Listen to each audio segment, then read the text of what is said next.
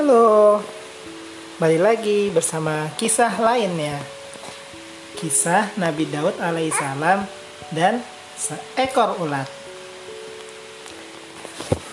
Nabi Daud alaihissalam merupakan nabi yang sangat taat kepada Allah Subhanahu wa taala.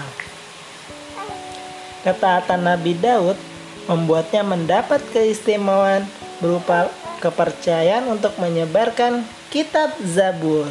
Kitab apa? Kitab Zabur. Oke, Arslan.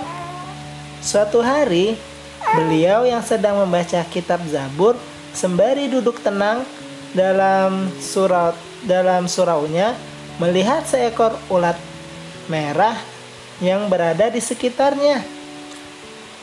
Beliau kemudian mengawasi ulat tersebut sambil berpikir dalam hati, apa ya yang Allah harapkan dari ulat kecil ini?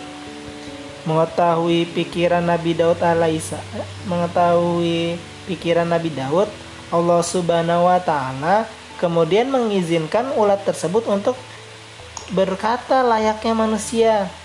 Ulat merah itu pun berkata kepada Nabi Daud, "Wahai Nabi Allah, Allah Subhanahu wa taala telah mengilhamkan kepadaku untuk selalu membaca tasbih.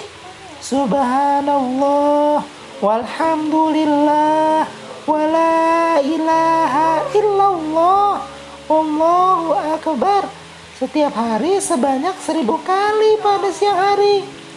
Pada malam harinya Allah Subhanahu wa taala mengilhamkanku untuk membaca Allahumma sholli ala Muhammad nabiyil ummi wa ala alihi wa sahbihi wasallim sebanyak seribu kali juga. Kemudian ulat tersebut juga berkata kepadanya, Lalu apa yang kau dapat? Katakan kepadaku agar aku mendapat faedah darimu ya Nabi Allah.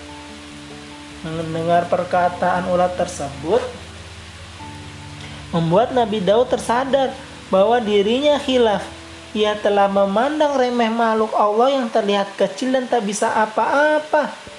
Padahal mereka bisa lebih dahsyat ibadahnya terhadap Allah dengan caranya sendiri.